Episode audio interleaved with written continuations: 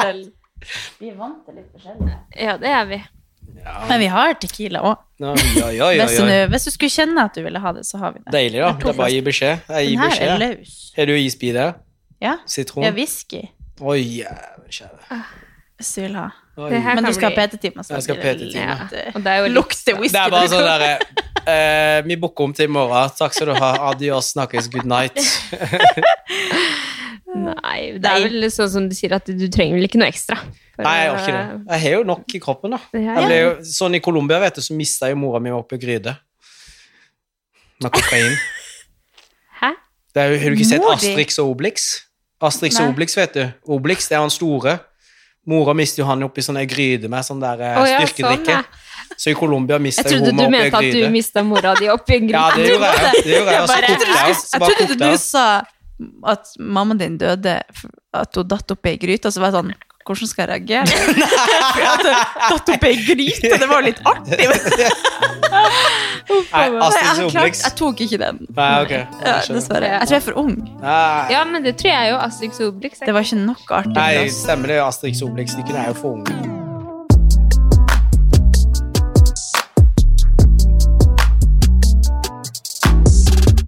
Gammel er du? Nei, herregud, jeg er jo kjempeung. Jeg er jo kun 34. Ja, men det det er er ung. ungfolen.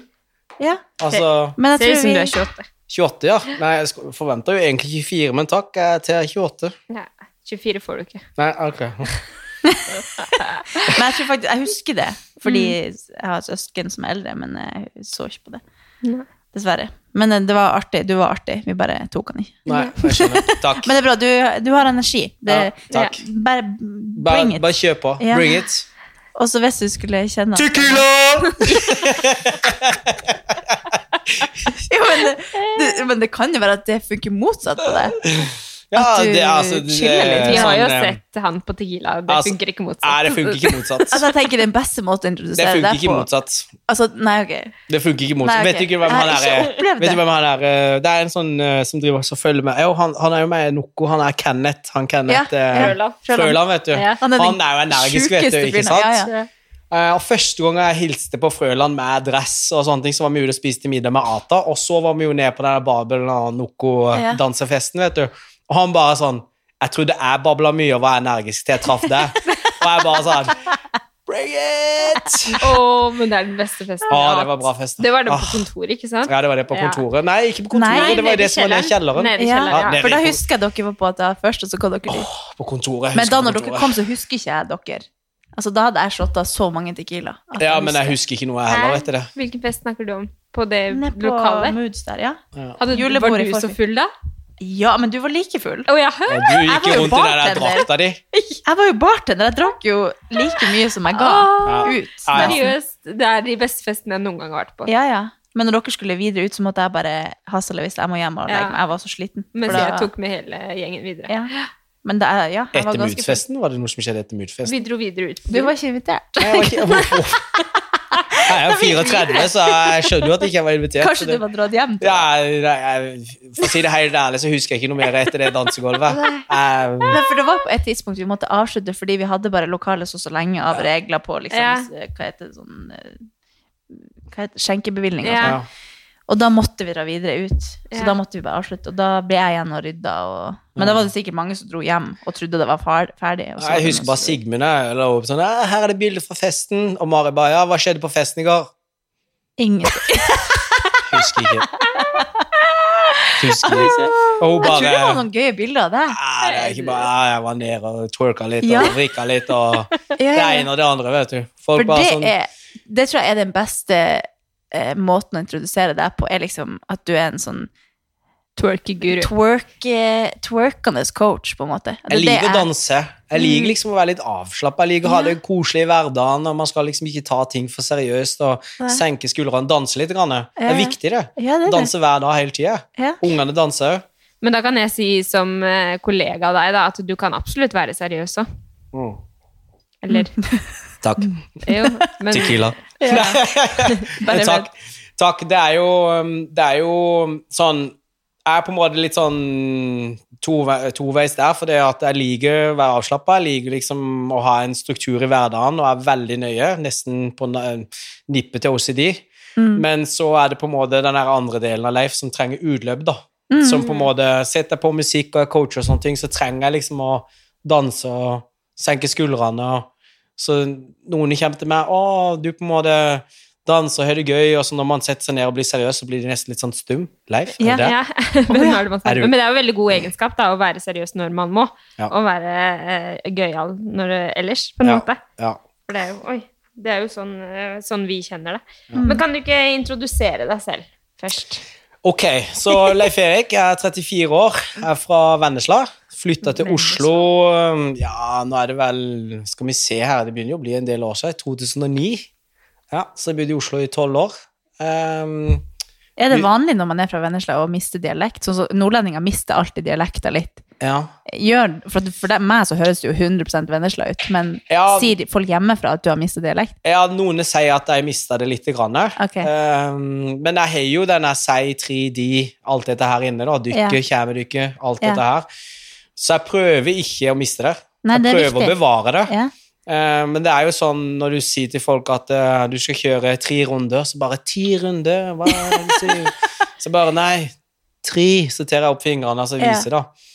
Men, men Eh, kjør ti hvis du vil, altså. Ja, kjør ti runder. Det er, det er helt i orden. Der står han og kikker på etter tida. Du kan bare holde på etter 60 minutter. Det er greit, det. Snakkes. Jeg begynte jo å flytte til Oslo fordi jeg skulle studere, så jeg studerte jo på BI først. Så skrev jeg oppgaven min med økonomistyring og investeringsanalyse. Begynte litt grann på kontor. Oh, ja. Ja, ja. Er du økonom? Nei, er egentlig økonom, ja. Og veldig Ah. glad i tall og veldig glad i sånn å analysere ting.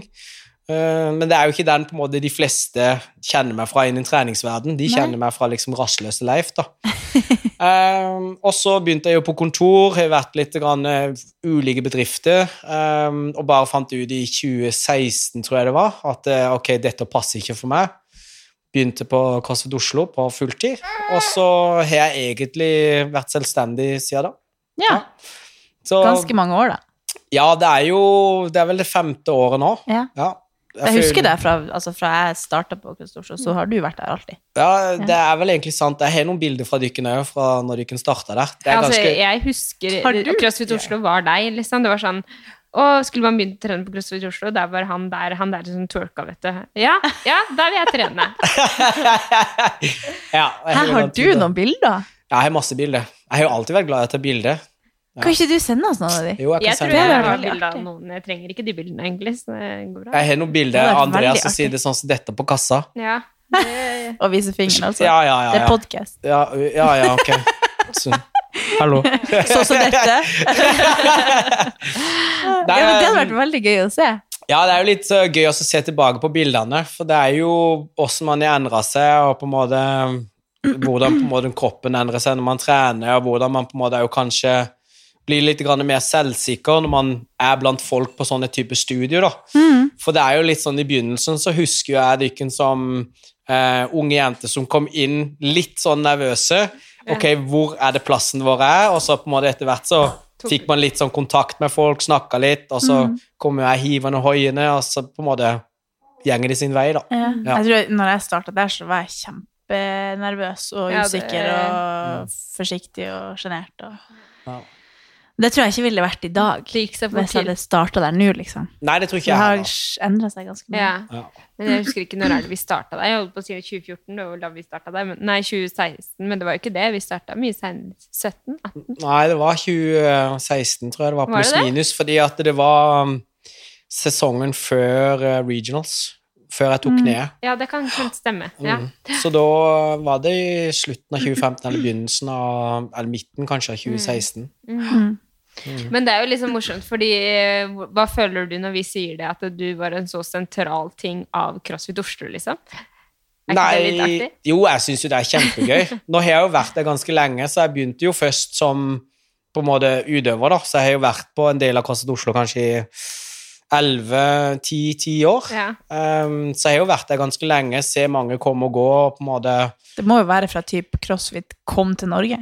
Nei, egentlig ikke, for det kom i 2008-2009. Ja. Så kom det. Og Ja. da var det jo noen som starta det ganske tidlig, og så var det i ja, 2010 eller noe sånt, som Mm. på en måte jeg fikk øynene opp for det. Ja. Skulle huske jeg ringte de som holdt på å bygge CrossFit Oslo før det var ferdig. liksom, 'Når er det klart? der? Når kan jeg ja. begynne der?' Og, og veide 25 kilo mer enn det jeg gjør nå. Bare rulla inn og bare oh, ja. Halla, jeg er klar. Men hvordan trente du før du begynte med crossfit? Før jeg begynte med crossfit, så trente jeg ikke. Å ja. Eh, I det hele tatt? Du bare ville begynne med crossfit? Ja, fordi jeg møtte en kamerat av meg fra Bergen Ja. som eh, liksom ja, Han bare introduserte meg til det, så begynte vi å trene sammen på et gym. Og du vet jo, ikke sant, vanlig, vanlig gym, da, så Mm. kan du tenke deg liksom når vi løp rundt og kasta stenger og bare øh, Spartans. Så ble det bare full kaos, ikke sant? De bare 'Ikke ikke. dropping av vekter', og vi bare 'Nei, nei, nei'. Flippa de vektene. Det var nede i Oslo sentrum, da. Eh, og da veide jeg vel 95-96 kilo, og mm, da hadde jeg ikke trent ja, Da hadde jeg ikke trent siden jeg var 19 år, Nei. så jeg gikk på idrettslinja. Så jeg konkurrerte mye i svømming og kampsport. Å Og så slutta jeg bare tvert. Mhm. Begynte å jobbe veldig mye. Kjøpte meg en leilighet her i Oslo som jeg leide ut da jeg var 19. Og så var det liksom det fokuset da på liksom gjøre noen investeringer, tjene seg litt og bygge seg opp litt. Så fant jeg ut eh, Det var en bakke på Sørlandet som jeg gikk opp. Så jeg klarte så vidt å gå opp bakken. Da bare Ja, etter den ferien så må vi gjøre noe grep, da. ja. Så da ble det det som ble valget. Så rått. Jeg tenker bare at du har drevet med det alltid. Nei, jeg har ikke det, men jeg har jo vært ganske bra trent tidligere, ja. men eh, ingen eh, styrketrening. Nei. Så jeg gikk jo fra Hva var det jeg veide? 70, ca. 70 kilo pluss minus, til ja, rundt 95-96 da, Mm. på seks måneder. Ja. Ja. Herregud. Men eh, så du er nå da coach og trener en del på egen hånd også, og er jo veldig aktiv på Instagram og, og har online coaching, og eh, du er også veldig interessert i foto, har jeg skjønt? Ja, det syns jeg er veldig gøy. Det er sånn min sånn ventil. Mm. Og Daniel sykling. Ja, De det to. Ja. Bruker jeg som ventil i livet, altså bare for Sånn å gjøre noe helt liksom. annet. Nå bare gjør jeg noe annet. Mm. Bare å Ja. Så det er ingenting jobb eller hobby eller konkurranse i det hele tatt. Nei. Og treninga prøver jeg liksom å minimere litt, for det viktigste for meg er på en måte familien, og så er det jobbinga, og så kommer treninga, da. Mm. Mm. Men jeg har jo på en måte mål som jeg strekker meg etter. Mm. Men målene på en måte prioriteres veldig sånn for meg periodisert, da. Mm. Så sommeren prøver jeg liksom å få inn uh, downhill-sykling, bilde, gå fjellturer, prøve å liksom få noen økter, mens uh, fra høsten av, sånn som nå, september-oktober, så begynner jo på en måte crossfiten og løftinga og alt dette her, da. Mm. Kaoset, som jeg liker å kalle det. Det som er Har- Spartans. Ja. Men er det liksom sånn det ligger naturlig, eller er det sånn du tenker ok, på sommeren så skal jeg gjøre det, og på vinter skal jeg gjøre det? Er det sånn det faller da naturlig at det er sånn det skal være, og det er det du har lyst til, eller? eller? Nei, det er naturlig. Ja. For det er helt fra liksom jeg var ung, så selv om jeg har hatt de idrettene som jeg satsa på, så har jeg alltid tatt sommeren, og da har det ofte vært fra skoleslutt til skolestart, så har jeg på en måte gjort alt mulig, da. Eh, av aktiviteter. Så for meg, så når jeg kommer på sommeren, det å på en måte bare ha et helt avbrekk, bare liksom komme meg bort fra det vante miljøet og gjøre helt andre ting, føler liksom er en del av meg som bare Ja, nå, nå bytter vi om, nå switcher vi. Mm. Så veldig mange har jo en tendens til å tenke sånn Shit, blir du ikke stressa av dette? Og hva tenker du i forhold til formen og sånne ting? Blir ikke den ødelagt? Må du ikke trene det opp igjen? Og da er jeg sånn Jo, jo, jeg starter jo på en måte litt på scratch, men du starter jo aldri helt der du starta. Mm. For der jeg starta, var jo for sånn ti år siden, pluss minus, da. ja, ja. Så der Kroppen kommer- kjenner det jo igjen, Ja. og du er jo ikke helt eh, Nei, nei, nei, nei, nei. men det, da handler det bare om at jeg må liksom tenke på det når jeg begynner å trene. Trene mindre, så må jeg liksom bruke høsten til å trene meg opp. Og så pleier jeg sånn normalt sett å pike sånn mellom sånn februar-mars. For da har jeg på en måte hatt sesongen til å så bygge det opp, da. Mm. Ja. Så da ja, Da det, tenker du på det på både mat og trening og alt for Ja. å bygge opp ja, muskelmasse? Så det er sånn høsten, da blir det litt sånn Da, da koser jeg meg. Og så har jeg en samboer som blir litt sånn stressa. Bare hva skjer, Leif? Hva er det som skjer her? Så sier jo jeg det er bulk season. Ikke sant? Og hun bare Vær skyldig på det. Bulk season. Og så tar du håret, og så er det en helt annen mann som er på sida. Så jeg bare Stor pizza til meg, takk. Og hun bare Skal ikke vi dele den på familien? Nei, det er medium som er til dykken. Vær så god, ta den. Eh, men det er sånn Det faller meg naturlig, og så blir det litt sånn hele tida, uansett når det er på året, så prøver jeg liksom å være nøye med drikke. Um, ettersom at jeg jobber en del, så prøver jeg å være nøye med at når jeg trenger å sove, så sover jeg. Mm. Og da er det enten ti minutter på sofaen, eller sove litt ekstra i helga, eller sånne ting. Um, og prøver hele tida på en måte ja, korrigere det. Mm. Så er det jo noen perioder som bare blir litt sånn Ja, nå vil jeg kose meg litt grann ekstra, Ja. så da gjør jeg det. Mm. Jeg er faktisk helt motsatt. Det har jeg tenkt over alle som sier sånn at de liksom bygger seg opp på høsten og vinteren, og da skal man jo gjerne pakker seg inn og ikke viser kroppen så mye, og derfor tillater de seg det liksom på vinterhalvåret. Og så piker de mot sommeren. Men jeg er helt motsatt, for på vinteren, eller på høsten, så er jeg så sykt motivert og trener masse, masse mer enn jeg gjør på våren og sommeren når, når det blir fint ute og sånn, for da prioriterer jeg liksom ikke å trene så mye, men gjør så mye andre ting. Og så på høsten er jeg supermotivert, og til jul, etter jul, så er jeg litt sånn «Åh». Da blir jeg bare Da har jeg ikke noe å glede meg til lenger, for at jeg gleder meg så Jeg vet ikke, det er helt rart for meg. Ja, Jeg er helt tenker egentlig motsatt. ikke så mye over det. Mm. Nei ikke, Nei. ikke at jeg tenker over det så mye, men jeg merker at jeg alltid er kjempemotivert på høsten Ja. og ikke motivert på Men våren. det, sånn, sånn er jeg jo. Det er Ja. høsten som er mest motivert. Ja. Men eh, jeg kjenner jeg elsker, elsker å trene på sommeren. Ja, jeg Men ikke eh, det. jeg prioriterer jo å sole meg. Så, Ja. ja. det er bare, jeg tror det er bare Ja. at det er varmt, og jeg Ja. altså, liker jeg ikke så godt å trene ute i sola. Sånn som folk som digger å, presse Sånn som når jeg er på ferie, så må jeg virkelig tenke, og jeg vil helst dra inn på et treningssenter og trene hvis jeg er på sydenferie eller sånn. Jeg vil ikke fære ut og jogge i sola, jeg bare Mm. syns det blir for varmt og Ja. Ja, men der er jeg Det er litt annerledes. Der er jeg jo. Jeg, jeg liker ikke å være på en måte sånn ute og skal kjøre lange økter og sånne Nei. ting. Men altså fjelltur og sykkeltur og alle Ja. disse tingene, det er på en måte mer sånn Det blir noe helt annet fordi du har Mm. vinden, du på en måte har atmosfæren, og det skjer liksom Mm. ting, da. Ja, det å være aktiv sånn på sommeren er jo helt Ja. magisk, Ja. og gjøre andre ting. Men sånn selve styrketrening og, Ja. og crossfit og sånn, så elsker jeg å gjøre det når det er mørkt ute, eller det Ja. regner, eller er snør, eller da, Jeg klarer å være Litt bedre samvittighet for å være inne, på en måte. Ja, jeg tror det er noe med at når det ikke er så fint vær, så blir jeg så mye mer produktiv. Ja, ja. Jo, nei, men det kan jo være en ting, det, altså. For det, at det, er jo, det blir jo mørkere tidligere. Man, Mm. Kanskje man aksepterer at det er greit å faktisk tilbringe mer timer, Ja. Ja, ja. Fordi at når det er sol, det er lyst, langt på kvelden, venner sender melding ja, 'Skal du være med ut og spise litt?' eller Ja. 'Skal du være med og gjøre ting?' Så da faller det seg jo litt naturlig inn. Mm. Men, Men, eh, eh, ja. men oppi alt det her eh, med sesongtreninga di, da. Eh, det Konkurrerer du?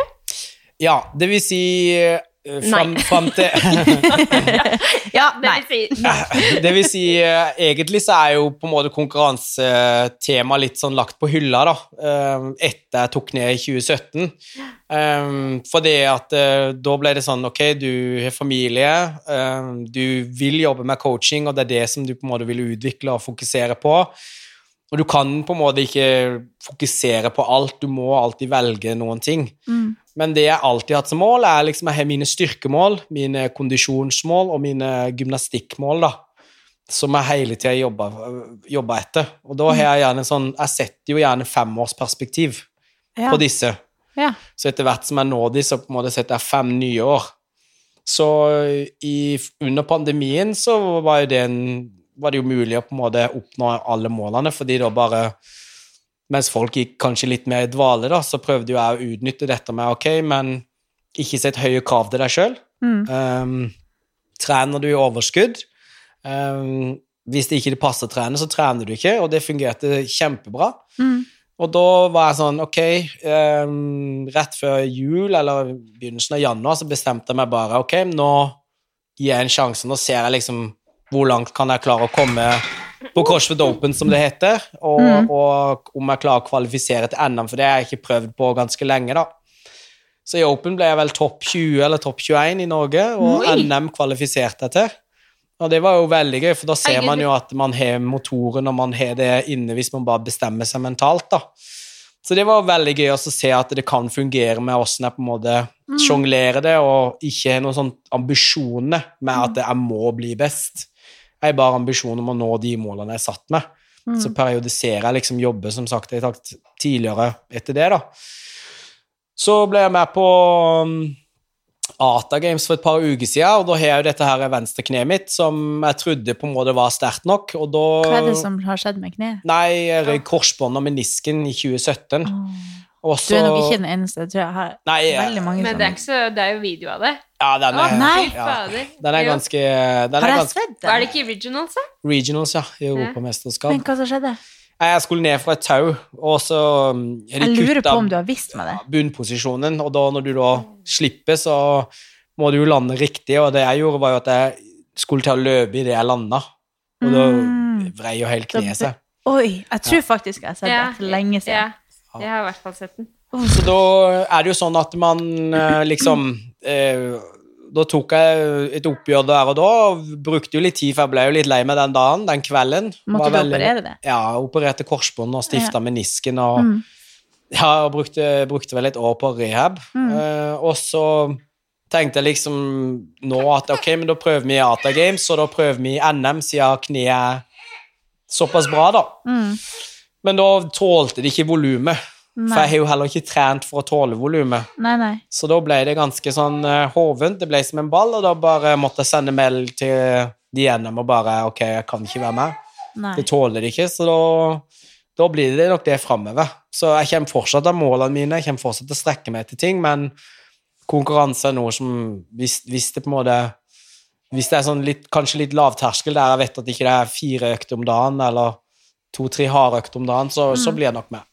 Har du merka mye, ikke, ikke for å påpeke at du er gammel, men eh, du er jo ikke Takk. gammel, men eh, For det har jeg snakka litt med samboeren min om, at man, at man på et eller annet tidspunkt så, så blir man jo eldre. Ja. Om du liksom kan merke at mengden At du må kutte ned på mengde, eller om du kjenner Om du har merka noe sånt. Ja, ja, jeg merker det Du veldig er jo godt. absolutt ikke Nå følte jeg at du er påpekt at du var gammel. Nei, nei, nei, Ikke for å at du er nei, nei, men det ikke noe Det som er viktig å huske på, er at uh, både for menn og kvinner så skjer det en eh, fysiologisk endring når Mm. man treffer en viss alder, og for gutter så er det sånn rundt eh, 25 pluss, Mm. så begynner det på en måte også å avta litt. Grann, Uh, og da handler det jo om dette her med å, å spiser riktig, sover riktig, trener riktig, så man klarer liksom å, å dra ut potensialet sitt Mm. over tid. da.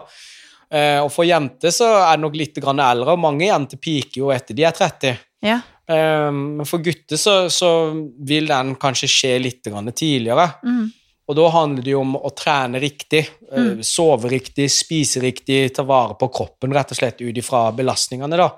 Så jeg kjenner det jo Ja, fordi jeg er blitt eldre, men òg fordi at jeg har to barn. Og på en måte ja, det er jo at, eh, ting som at jeg, jeg jobber, prioriterer dette her med den coaching-delen. Jeg kaller, kaller det jo jobb når vi sier det her, men det er jo egentlig hobbyen min, mm, som jeg kan drive med fulltids med. da. mm. Så jeg prioriterer det framfor å liksom måtte trene to timer. da. Så for meg handler det om det at hvis jeg kan liksom få inn tre til fire økter i løpet av uka, eh, som er kvalitetsøkter basert på der jeg er, så er jeg mer enn fornøyd, da. Mm. For da vet jeg liksom hvor jeg bør ligge til ethvert tidsrom, da. Mm. Ja. For vi ser jo det er mange av eh, lytterne som lurer Vi har lagt ut en sånn spørsmålsrunde om trening generelt. Mm. Eh, og da er det flere som lurer på det med restitusjon. Mm. Og det, kan, det er jo veldig individuelt, vil jeg tro. Ja, Det er veldig det er jo ganske vanskelig å vite, og det kommer jo helt an på ja, alder og eh, hele hverdagen og livsstilen din og alt. Så det er jo ganske vanskelig å svare på egentlig hva hver person trenger i restitusjon. Ja. Men er det noe sånn cirka ting man kan tenke på for å Det er jo sånn, det er jo sånn korte grunnregler, da, sånn 48 til 72 timer, gjerne ut ifra hva man driver på med, styrke eller har trening, da. Så skal man jo f.eks. hvile så lenge, da. Eh, Og de fleste gjør jo ikke det. Eh, De fleste ikke på en det, måte trener jo ganske hardt, men så, Mm. så er det jo andre ting som påvirker restitusjonstiden, da. Det er jo sånn, ok, si jeg kjører en knebbeøkt, um, så vil jeg jo på en måte bli Nå forklarer jeg det litt enkelt, men bli veldig tung i beina. mm, Uh, Hvis jeg hadde hatt tid da, så ville jeg jo uh, på en måte satt meg ned på sykkelen og sykla rolig en time. Og da på en måte får du god blodsirkulasjon i, i beina, du blir blir kvitt slagstoffene, som gjør at de kan føle seg litt, litt friskere. da. Og så handler det jo om, om hvor lang tid etterpå du får i deg næringskilde, altså riktig kosthold. Proteiner, karbohydrater og fett, ikke sant? Um, og så kommer du an på totalbelastninga, da. Hvordan blir etter treninga? Kommer du til å sette deg ned og slappe av, eller skal du på jobb og gå på gulvet, sånn som f.eks. jeg skal gjøre da? mm, Det er mange faktorer som spiller inn, og, og det nok de fleste ikke ser, er liksom hvor viktig den restitusjonstida er, da. mm, mange sier til meg sånn Ja, søvn er superviktig, og du må sove så og så mange timer, og jeg bare sånn Ja, gratulerer, få deg to unge, så kan du komme tilbake til meg. Og hvis noen kommer tilbake til meg da, så spør jeg hva er det du jobber med, og hva gjør du? Og som regel så, så um, de som restituerer ganske bra, har jo på en måte ikke den belastninga, da. Mm. De har på en måte mindre belastning. Mm. Um, for eksempel mange unge som enten bare er et par, eller de er single, eller ikke sant. Mm. Det er da. Eh, Men det som er litt sånn gjentageren her, det er, det er at folk plutselig bare sier shit, nå, nå er jeg sliten, ingenting funker. Mm. Og det skjer over tid. Ja, ja. Jeg føler vi går litt sånn tilbake i tid fra når du coacha meg. ja. Sånn, ja, men hva har du gjort den siste uka? Nei, jeg har gjort det og det og det. Ja, nei, men der har du svaret. Ja, og da, Du må chille litt. Ja, og da er det litt sånn, da er det litt sånn Ok, men, men hvis ingenting funker, kroppen ikke fungerer, og du ikke på en måte gir deg hvile eller spiser nok, da, og veldig mange er jo redd for å spise nok, Mm. Så får du på en måte ikke restituert, da. Så, så um, der så er det liksom det Hvile er superviktig. Funker ikke kroppen, så må du på en måte gi det nok tid til du er klar igjen. Og det kan være noen timer, det kan være en dag, det kan være to dager, det kan være en uke, det kan være to uker. Det varierer. Ja. Så, så det er som du sa, det er veldig vanskelig for alle individuelt. eh, De på en måte stiller individuelt annerledes, da. Mm. Og så kommer det an på hva målet ditt er. At hvis man satser og vil bli best, så burde man kanskje uansett jobbe med en coach, eller ha, jobbe med noe som har peiling, som kan sette opp trening og restitusjonen din. Men Ja, for, jeg er, jo, jeg er jo delvis på en måte enig i akkurat det, for det, du må ikke bare satse. Det gjelder jo hvis folk skal ned i vekt, eller hvis folk skal på en måte eh, nå et mål om første pullupen, eller skal lære seg for eksempel å jobbe med kneskade da, etter de har hatt en stor skade, så handler det om det å finne riktig veien. Hvor skal du gå? Hvordan skal man planlegge? Når skal du hvile? For det eh, Si at jeg har noen personer, da, jeg har noen tre-fire kunder som skal ned i vekt. da. Um, de har barn, uh, de jobber ganske mye. Um, de, uh, de har ikke tid til å på en måte bare sette seg ned. Mm. Så totalbelastninga for deg blir ganske stor, da. Så når de har en ganske stor totalbelastning, så betyr jo dette at ok, men hvordan kan vi angripe dette best mulig for at de skal få det resultatet de ønsker? Mm. Så det er det veldig mange tenker sånn Ok, nå skal jeg få de og de resultatene, jeg skal kvalifisere til NM, jeg vil bruke coach, eller noen velger jo ikke å bruke det. mm. Men da handler det jo om for de andre. ok, For det er mange som kommer til meg ok, hva bør jeg gjøre for å gå ned i vekt? To ting. Aktivitet. Åssen ser kosthold ut? Mm. Og så er det jo så, altså sånn, sånn for meg, for eksempel, som trener bare litt sånn når jeg kjenner at jeg har lyst, eller at jeg Hvis jeg er supermotivert, så kan jeg jo trene flere ganger om dagen, eller Men da kjenner jeg jo også etter om kroppen egentlig sliter, om jeg burde sove og droppe ei økt en dag, eller ha et par dager fri, eller man, man kjenner jo på en måte det på kroppen, så jeg tenker det er ikke så hokus pokus at man liksom må ha en sånn fasitsvar på hvor mange dager, eller man må nesten bare kjenne etter hva kroppen tåler, og så kommer det an på hva, hva man skal, og hva Ja. Ja. Men restitusjon er i hvert fall veldig viktig, da. Ja, det er kjempe, og det er, jo det, det er jo egentlig det du sier der. Jeg har jo økt det der jeg føler meg superbra, og på en måte eh, det, Barnehagen har vært perfekt for ungene, så jeg har kanskje hatt en styrkeøkt, og så har jeg hatt en utholdenhetsøkt, og så stikker jeg ut og så sykler eller skater med ungene mine. Det blir jo en tredje økt. Mm. Og så kjenner jeg dagen etterpå hvordan føles kroppen når jeg går i trapp. Og det er litt sånn triks man kan ta. Hvis beina er tunge når du går i trapp, så er det veldig sånn tegn på at ok, nå er du pusha for mye. Oh, ja, ja. Føles det lett, så er det liksom ja, ok, men nå føles jo faktisk kroppen ganske bra, da. ja. Så kan du gjøre en økt. Og så må du kjenne kanskje den tredje dagen at ok, nå kjente jeg mandagen. For ofte til tar det jo litt lengre tid enn 24 timer før du kjenner utfallet av hva som har skjedd, da. Og hvis man da har hatt mange sånne økter, som du sa, da, tre økter eksempel, så hvis man da har ikke spist tilstrekkelig heller, så går det også sikkert utover. Ja, kjempe. Altså, folk spiser som regel litt for lite, da. Eh, veldig mange sånn eh, Du kan si sånn Nå snakker vi jo gjerne om de som trener mye, da. Eh, hvis man er eksempel overvektig òg og skal ned i vekt, så er det faktisk veldig mange der òg som, som uh, spiser for lite. Altså det er, når jeg, jeg var jo ganske stor, og når jeg starta å trene og på en måte, Jeg gikk jo på en måte ikke inn for at jeg skulle gå ned i vekt, men jeg ble veldig interessert i trening og ville jo selvfølgelig se et resultat, men da spiste jeg kjempemasse. Mye mer enn jeg gjør nå. Og, og trente jo også kanskje litt mer, eller ja, like mye, men ja, litt sånn forskjellig. Men da spiste jeg kjempe... Jeg husker mamma var helt sånn Skal du ha en hel pakke kjøttdeig til deg sjøl? altså, jeg spiste liksom middagsmåltid for en familie, Ja. Som jeg spiste til lunsj, da. Så, så det er noe jeg husker at, at virkelig var noe jeg ikke skjønte helt. Nei. Men det er jo det, spiser du, spiser du ganske rent, da, så kan du spise ganske mye. Mm. Altså, for eksempel, la oss ta karbonadedeig, da, og det er liksom, jeg nevner bare det fordi det jeg har oversikt på. Mm. Hvis det er noen som, som på en måte har imot at man spiser kjøtt, så, så yeah. for guds skyld ikke, ikke ta meg på det, da. Men det der er hele oversikten, da. Yeah. Ja. Eh, og da, da er det sånn, hvis du spiser pakke karbonadedeig, du spiser en, en pakke med ris, og du liksom har noe brokkoli, så havner du kanskje på sånn, si mellom 450 til kanskje 600 kalorier, da. Mm. En voksen mann skal ha i seg 2000 til 2500 kalorier. Så det er jo et fjerdedel av måltidet som du skal ha gjennom dagen, da. Mm. Så det sier jo bare, bare det i seg sjøl er ganske mye mat, da. Mm. Så, um, så der, eller for eksempel hvis man spiser bare ris og grønnsaker, så havner man kanskje på 250-300 kalorier. For mange så er det kjempemye. Mm. Men, men i det store og det hele så handler det om det at velger du de riktige næringsstoffene, så Mm. må du spise mye. Ja, man må liksom du- ikke være redd for å spise nok. Nei, det er det, akkurat det man ikke må. Ja. Ja. Og så er det blitt litt sånn det her med Å, nei, du skal ikke spise pasta, eller du skal ikke ha ost, eller det ene og det andre. Da, da, måte, da er det sånn Ok, men hvis du spiser brødskive med smør, med ost, og du gjør det seks ganger om dagen, så Nei, ok, kanskje ikke, vil anbefale det. Mm.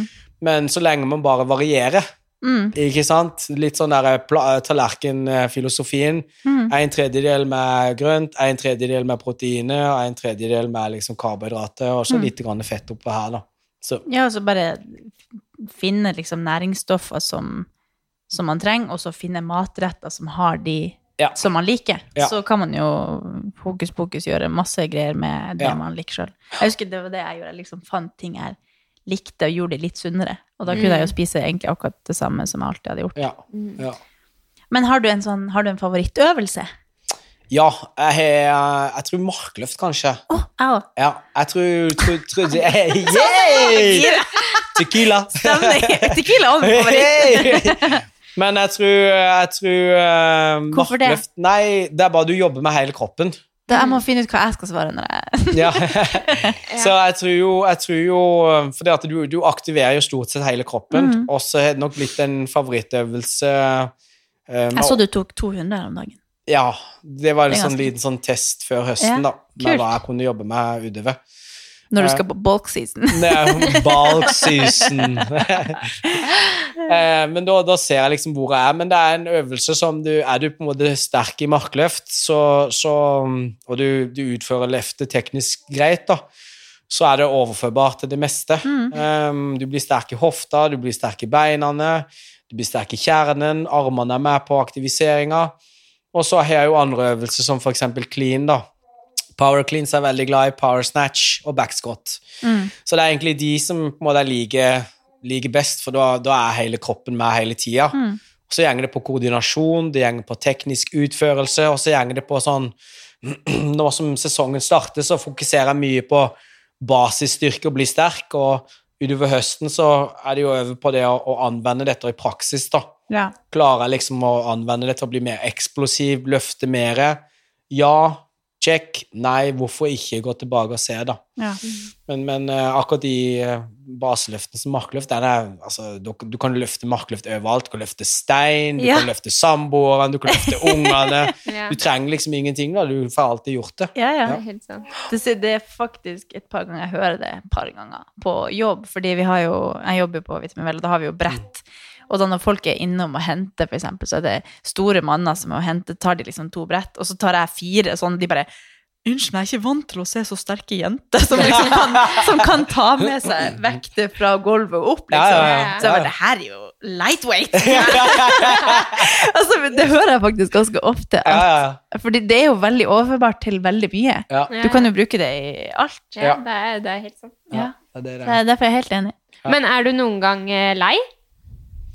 Ja, det er av og til jeg blir litt lei. Mm. Uh, og når, når jeg kommer inn i de periodene som jeg blir lei, så fokuserer jeg på disiplinen. Mm. og mine verdier, Mm. som på en måte er veldig viktig, da. For det at eh, det å på en måte utfordre meg sjøl og det å på en måte trening og sånne ting, vet jeg på en måte vil ha mye å si for meg mentalt. Mm. Um, så, så da er det i de periodene så bare blokkerer jeg alt, og så, så kanskje, hvis jeg nå utover høsten kjenner at ok, men jeg er ikke klar for å begynne med dette nå, så, så begynner jeg kanskje bare å fokusere enda mer på gymnastikkdelen. Ja. For det er jo sånn Gymnastikk bruker jeg veldig mye som sånn accessory, sånn sideøvelse til alt jeg gjør, da. Mm. Men det er det du syns er gøy, eller? Ja, jeg syns jo gymnastikk er veldig gøy, Ja. så jeg prøver liksom ikke å gjøre det for mye, da. Nei. For det er sånne Heller hvis du ikke er så motivert, så kan du heller Ja, så gjør jeg det. Så er det liksom opp og leke meg Ja. og turne litt. Og og- ringmuscle, litt barmuscle ups og litt sånn backflip i stua og alt de sånne ting.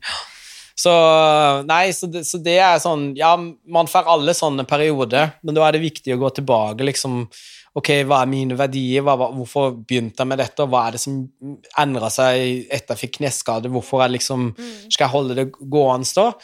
Og så er det jo, tror jeg på det at hvis mine barn ser at eh, jeg er aktiv, da, eh, og, og har en stå-på-vilje, selv når det på en måte butter imot, så tror jeg de vil ta det med seg videre. Det tror jeg også. Så da er det liksom det at eh, å kanskje være en god motivator for de òg, at eh, ok, da er jeg sliten. Så er det sånn, ok, er du sliten fordi du er lei, eller er du sliten fordi at du har trent for mye? Det er to forskjellige ting. Mm. Lei, da er det bare å pelle seg opp og komme seg av gårde på de dagene jeg skal gjøre det, da. Mm. Men hva er det som motiverer deg underveis når du trener? Eh, det er jo kanskje målene mine som jeg satt med. Eh, sånn som i 2017, når jeg hadde kneskaden, så satte jeg meg mål om at i eh, 2020-2021 så skulle jeg ta 200 backsquat, eh, 240 markløft uten belte, 160 var det vel i front squat, um, og så har jeg litt sånn utholdenhetsøkter og gymnastikkøkter, og de kunne jeg sjekka nå i, i vinter, da. Mm. Eller mellom januar og februar var det vel jeg gjorde det. Ja. Så det er på en måte måla du setter deg. Liksom får du mestringsfølelse av at du kan huke av at det ja. Og så vet jeg liksom at um, når du på en måte er din egen forsøksperson, så vet jeg at alle er ulike, det skjønner jeg jo, men du kan på en måte legge litt fakta på bordet. At mm. ok, kneskaden har på en måte vært fram og tilbake, men det har gått trått og trått oppover der det skal, og så videre, da. Så, så um, det er nok det som er på en måte drivkraften yeah. nå. Um, og jeg har ikke noe sånn superestetiske mål, at jeg skal ha åttepack. Uh, det er ikke det som er viktig for meg, annet enn Det kan Det du ha kjøleskapet. ja. Annet enn det estetiske for meg er på en måte at jeg, føler meg veltrent da, og føler meg komfortabel i egen kropp. Det er viktig. Mm. Uh, også det at jeg kan gjøre alt. mm. For jeg har jo en veldig sånn I min uh, underbevissthet så har jeg sånn en eh, Jeg må utfordre meg på ting som aldri er gjort før, men skal aldri forberede meg. Og dette anbefaler jeg ikke folk som som ikke trener mye eller ikke Nei. kan ulike ting, som for eksempel i 2018 så meldte vi oss på uh, Ironman i Haugesund, og det var Oi. sånn eh, halv, halv Ironman, så da svømmer du 1900 meter, sykler 9 mil og løper 2,1, og da var det liksom Du skal ikke forberede deg, du skal bare gjøre det. Skibirken året etterpå, så det blir vel 2019, eller ja, 2019 så var det Birken på ski. Ikke forbered deg, bare still opp. Og bare liksom gjøre sånne ting, da. Og vi hadde sånn 2015, så hadde vi òg sånn tre kompiser. Jeg bare ringte de, du, skal vi melde oss på Kristiansand Hovden? Og det er sykkelritt på 21 mil, Mm. så 210 km. Og da var det bare sånn, ok, nå bare booker vi billetter, drar på syklene, vi bare finner et hotell, så begynner vi bare å sykle. Neste år var dere teste San Senja. San Senja? Ja, har du hørt om det? Nei, hva er det? Det er sånn eh, løp du springer over fjellene. Ja, det er det, er det Men det er San Senja Det er to forskjellige måter du kan gjennomføre det på. Hvor, det er hvor, er det henne? På Senja. Sen, ja, Senja, ja. Ja, ja, ja, Senja. ja, Mm. ja, ja, ja. Tøft. Ja, det hadde vært spennende. Mm. Det er sånne ting jeg liker. Nå er jeg litt usikker på om jeg sa rett. Det er ikke sikkert det stemmer. Nei, men det er i hvert fall noe løp over noen noe fjell. Ja. Men det, Sånn, husk, det ble jeg invitert til å delta på nå, så tenkte jeg bare Vil ikke. jeg var ikke forberedt. Men det er jo hvis du har lyst til å gjøre ja, men det er jo litt sånn, det er sånne ting jeg syns er gøy, da. Men, men da er det litt Det er sånn underbevisst eh, mål, Det da. er kult, da. Ja, så det neste år så Men får du en jo god følelse, da, selv om sånn at, at hvis det blir helt sånn langt ned i kjelleren? Ja, ja, ja, altså, det er jo altså jeg, Altså, Ironman gjorde det jo veldig bra. Ja, jeg var veldig fornøyd med den. Ja. Og så øh, Skibirken er vel det jeg ikke har vært så fornøyd med. Løpebirken, det var sånn halv på 2,1. Det var jo sånn bare meld deg på, se åssen det gjenger. Mm. Og da tror jeg løpet tok meg på 1,34. Og jeg er ikke noe løpeguru for Nei. de som ser kroppen min. Eh, Den er liten, stutt og tung. så, så det har vært litt sånne ting som jeg meldte meg på, bare for liksom Ok, hvor sterk er du mentalt når du blir utfordra? Fordi Mm. når du tidligere er konkurransedøver, og du på en måte har vært på et visst nivå, så vil jeg gjerne se hvordan takler jeg det mentalt å komme inn på arena der du faktisk kan havne sist. Ja, det er veldig inspirerende. Og da, da er det folk som spør meg hvorfor gidder du det, hvorfor gjør du det? Så sier jeg bare at eh, men, men jeg har ingen ambisjon om å vinne, jeg har ambisjon om å se okay, hvor mentalt klar, hvor mye klarer jeg å pushe meg sjøl Mm. med tanke på dette. Da. Noen ting har gått kjempebra, andre ting så jeg kommer sist inn, og liksom de begynte å pakke tingene. For eksempel sykkelritt på Tynset, så ble jeg utfordra av sviger. Skal du være med på et tredagers sykkelritt? Og jeg bare ja. Og det var 75 km i skauen. Ja. Jeg kom sist inn hver dag. jeg. Og det var liksom det er derfor du har begynt med det? Ja, jeg, jeg tror det var derfor. Ja. For da var det liksom en sånn ting jeg bare Ok, det må jeg bli litt bedre på. og da bare Ja, der kommer Leif inn 25 minutter etter nestemann, og han er sist i det! Jeg bare sånn Yeah! Så, men, men det gir meg styrke, da. Ja, Fordi det- det gjør liksom at jeg vet jeg klarer å jeg klarer liksom I tøffe tider så vet jeg at jeg klarer å på en måte jobbe meg gjennom det. Mm. Selv om du liksom blir litt uh, får en neddupp eller nedtur eller hva det er, så vet jeg at ok, nå må du bare gå tilbake til verdiene dine. Hvem er du, hva er det du jobber for, hva er din Mm. atferd, hva er dine behov? Hvorfor, hvorfor trenger du alt dette? Jo, Mm. så, så finner jeg svaret på Men det. jeg kjente jeg var kjempeinspirert. Jeg har så Ja. godt av å gjøre litt mer sånn som du. Men ut ifra alt du er forteller nå, så det virker som du jobber så sykt mye med huet ditt. Ja, det Ja, jeg, jeg jobber Veldig veldig med mange kan jo på en måte tenke at veldig mye ligger i det fysiske. Ja. Men ut ifra alt du forteller nå, så er det jo det psykiske du jobber kanskje mest med. Ja. Det er egentlig mest det mentale. Ja. Og det er samme, samme nå som jeg var på Ata Games, så, så var det vel topp 15 eller topp 20 som ble invitert til Norge. Mm. Uh, og jeg vet jo at én økt kan jeg prestere veldig, veldig veldig bra på. Når det kommer flere, så er det som sagt jeg ikke trent meg opp til det. Så da var det liksom ok eh, Når du kommer inn der nå, så må du på en måte gå med innstillinga at du skal gjøre ditt beste, og du vet liksom hva de beste presterer, og hvordan de presterer. Eh, og da må du på en måte ha litt sånn sjølinnsikt òg. Så da blir det jo litt sånn at veldig mange er sånn Ja, ja, men vi så det åpen, og ah, dette er din økt. Ja, dette er min økt, ikke sant? Og så bare sånn eh, Yes, nå gjør du bare det beste du kan, Leif. Og da er det på en måte tilbake til dette her, bare Ok, men du er med der for å se hvor bra kan du prestere Mm. under press når du faktisk ikke er forberedt deg på det, da. Mm. Så mentalt så, så er jeg fornøyd på noe og ikke fornøyd på noe annet. Mm. Eh, Men det er måten er på en måte historien min med tanke på hvordan jeg vet hvordan jeg kan angripe øktene. da. Mm. Men det er jo en, en enorm mental styrke i å, å kaste seg ut i ting man ikke aner hvordan skal gå, sånn som det at du deltar på forskjellige ting, og det at du da, når det blir tøft, så fortsetter å pushe deg sjøl. For der er jo jeg eksempel veldig dårlig. Jeg går liksom der sånn Nei, men da kan jeg kutte litt på reps, eller da kan jeg Ja. eh, bare henge meg bakpå her, og det gjør ingenting om jeg taper. Eller jeg er veldig sånn lett for å finne unnskyldning for meg sjøl oppi hodet. Ja. Og det, har jeg, det er så ofte jeg må ha sånne oppgjør med meg sjøl, for at jeg Mm. detter ut av det. For at det er ikke naturlig for meg å, å pushe meg selv utafor komfortsonen. Så må jeg hele tiden sånn Faen, jeg skulle bli badass! Bare, faen, det var har liksom vært må det målet mitt hver nyttårsaften. Nå skal jeg bli badass!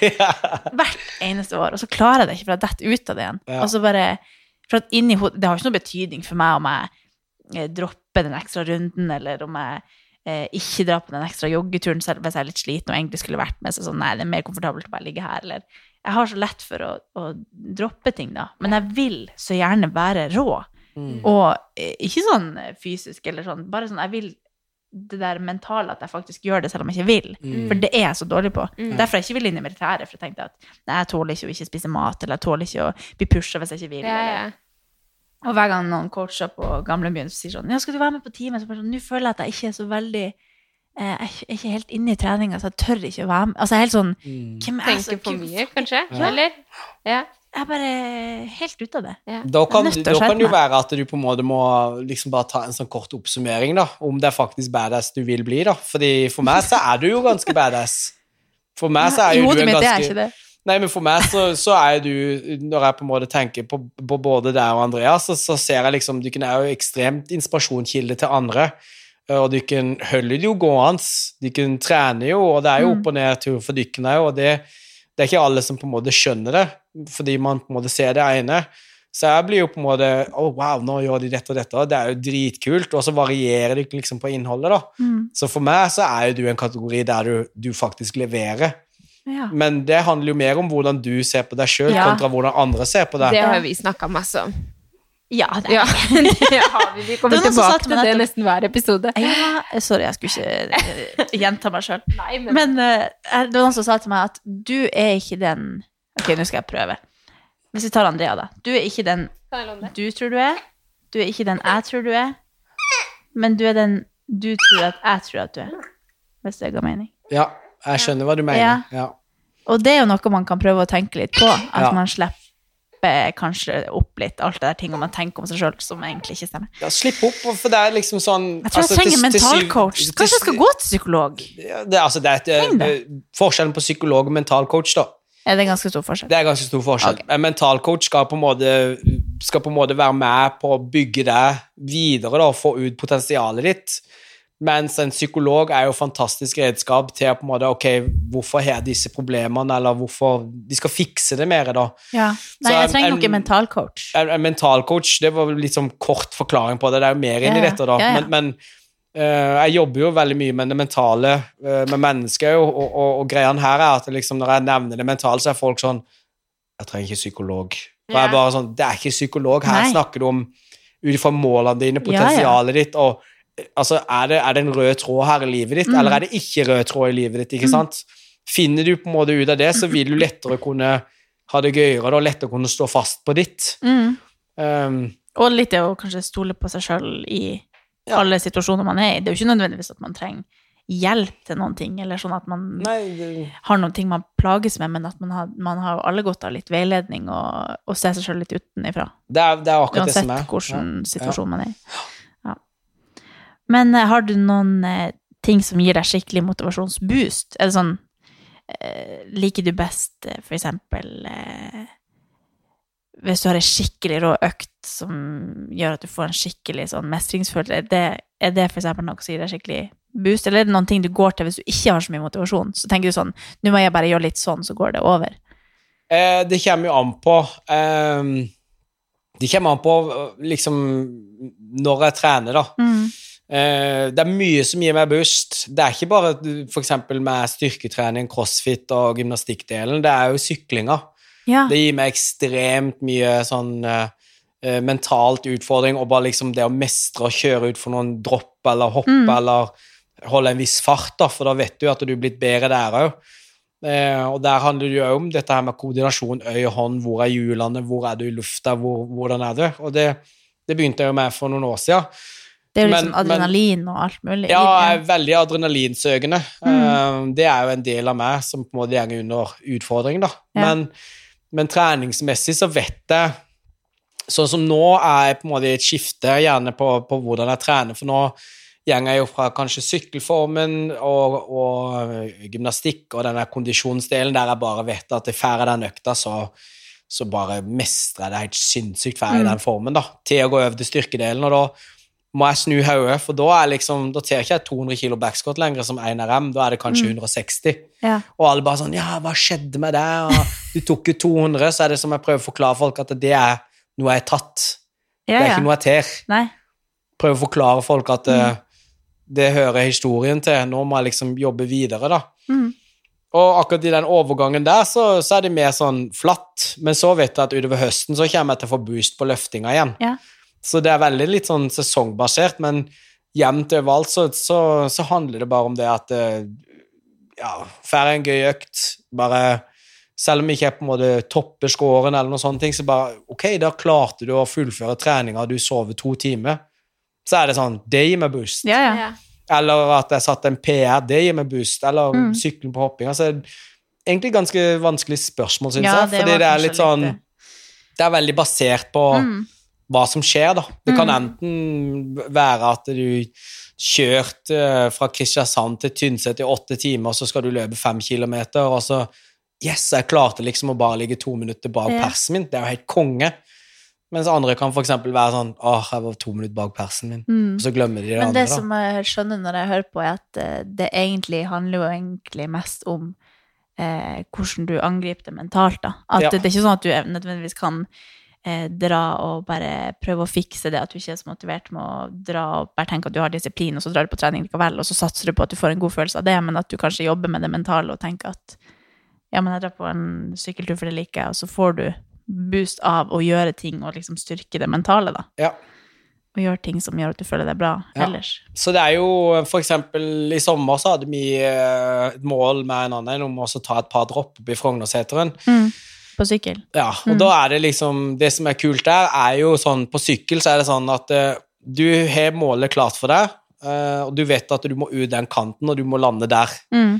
Eh, så du er kjempenervøs når du gjenger inn, men på det tidspunktet du er rett før kanten, så må du bare akseptere Mm. at nå skal du ut.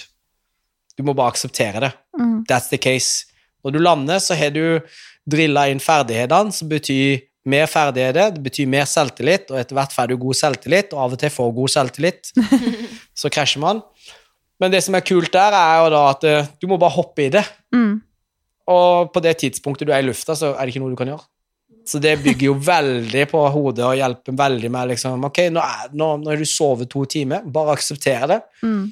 Gå inn med fokus på å jobbe med beina, eller trekke deg under, eller hoppe sånn som det, eller ha, ha 4,40 på 1000 meter, selv om andre løper på 3,50. Mm. Aksepter det, og så på en måte får du mye bedre da, og det gir mestring, og det på en måte gir jo boost. Mm. Jeg får skikkelig lyst til å trene, ja. Ja, jeg kjente også det. Ja. Jeg, jeg har lyst til å prate med deg i to timer. ja. Ja.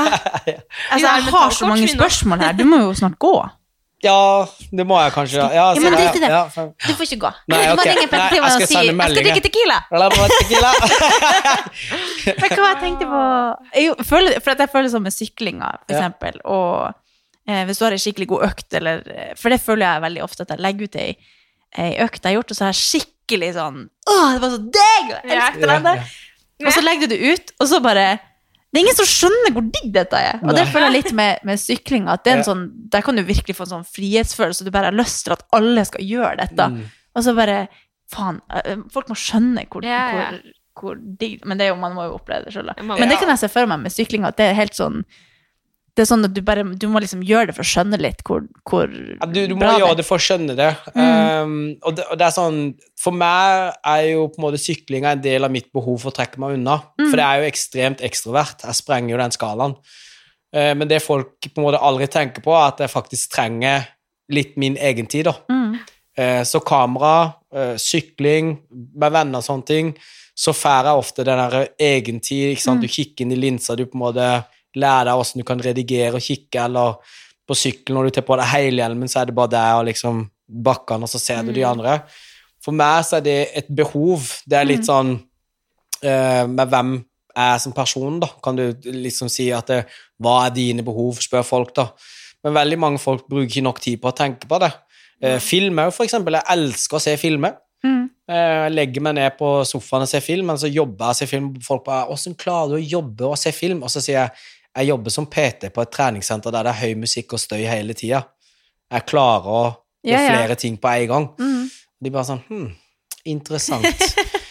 men, men behovet mitt, ikke sant, det, det stender veldig sterkt, da. Mm. Så for meg, den der frihetsfølelsen når jeg legger eksempel det ut, så det ene er at jeg ønsker jo på en måte å være motivator for andre som er i samme båt, med barn og, Mm. og jobb, og kanskje syns at det er tungt å få ræva si opp av stolen, ikke sant? Mm. Da er det egentlig bare liksom ha en dialog med samboeren din eller kona di. Kan jeg få lov til å ha en time? Ja, det gjør det. Pell deg ut. Mm. Eller gjør noe, eller bare ta deg en gåtur. Mm. Så det handler litt om begge deler. Det ene handler om at jeg har lyst til å liksom få folk til å bare kjenne på følelsen, og de fleste av mine bekjente som har gjort det, har jo blitt gira. Mm. For det, det er en Altså, når du Ja, når du er på toppfart Jeg tror jeg hadde toppfart i sommer på 63 km i timen inn i skauen. Inni skauen er ganske Ja. mye. Ja. Og Jeg skulle si, du det har bare jeg hatt på liksom- landeveissykkel, men det er noe helt annet. og, du, og du liksom får litt luft under der, og du bare kjører nedover. Og ja, det er konsekvenser med dette, så ikke gjør Er det du hvis du redd? ikke Nei. Jeg er redd. Jeg, jeg, jeg respekterer det, hvis det er riktig å si. Ja. Jeg respekterer naturen, Mm. og respekterer at hvis det, mine Du får ikke se ferdigheter 60 km i timen nedover skauen. ja, Så mi, hvis mine ferdigheter Er det på sånn bane? eller Nei, er det, er, det er, kan Sti, være liksom. sti. Å, ja. Så må du jo respektere folk, så du må ha et langt blikk. ja, ja. Så hvis du ser noe tegn til bevegelse, så må du på en måte ja. bare roe ned. Men tror du du liker det fordi at du, når du gjør det, så må du være så fokusert på det du skal gjøre, at ikke du kan tenke på noe annet? Ja. For det er jo litt sånn som jeg føler med crossfit. ja. At uh, når du kjører en økt, så har du ikke tid til å tenke på noe annet. I hvert fall hvis det er kort og intensivt. Da. Mm. Og det er litt sånn jeg får mindsetet mitt der òg, da. Eller når jeg utfordrer meg på de andre tingene, da. Ja. Bare på Birken så er det jo fem og en halv time. Jeg brukte fem timer og 20 minutter, og hadde jeg jo tid til å tenke på livet og alt. Ja, si sånn. Så da fikk hun kjørt seg veldig, for å si det sånn. Men det er deilig, det òg, da. Oh, det er fantastisk. Og når du da bare kommer i mål Yes. Ja.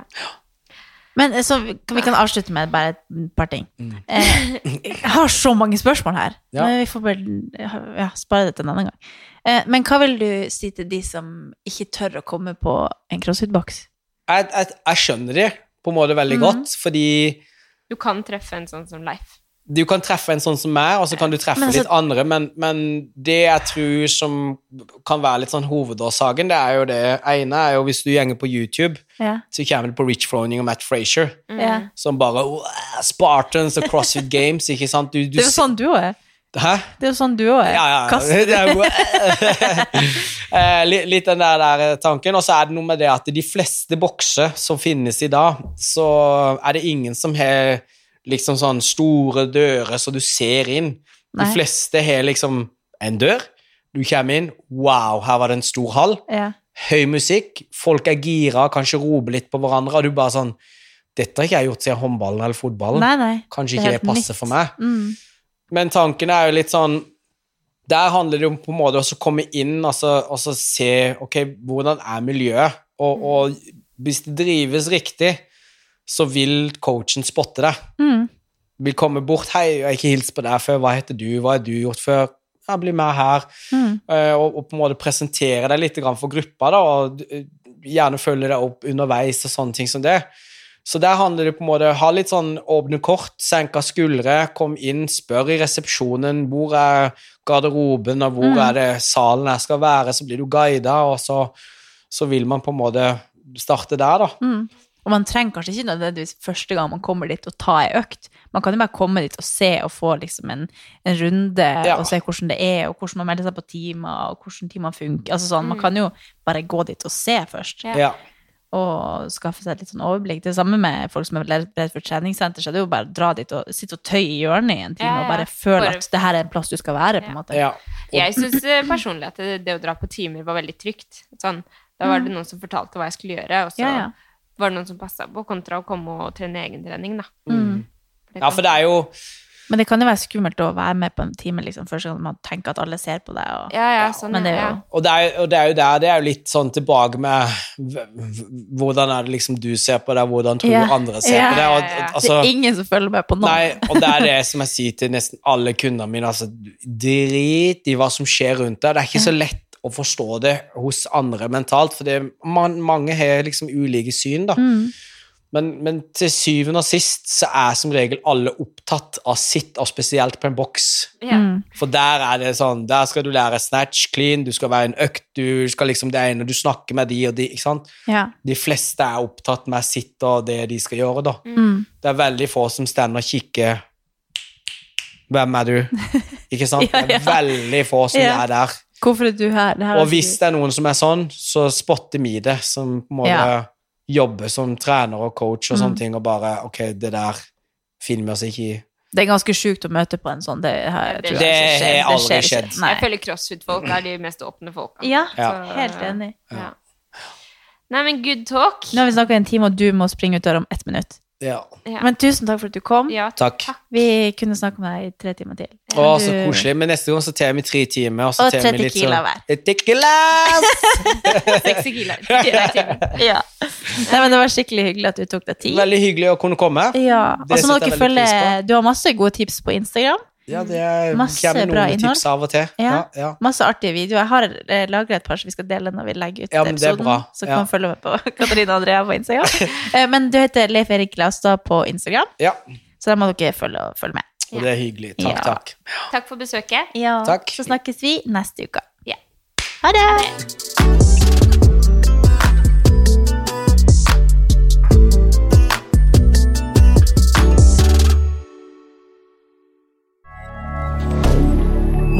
milliardaire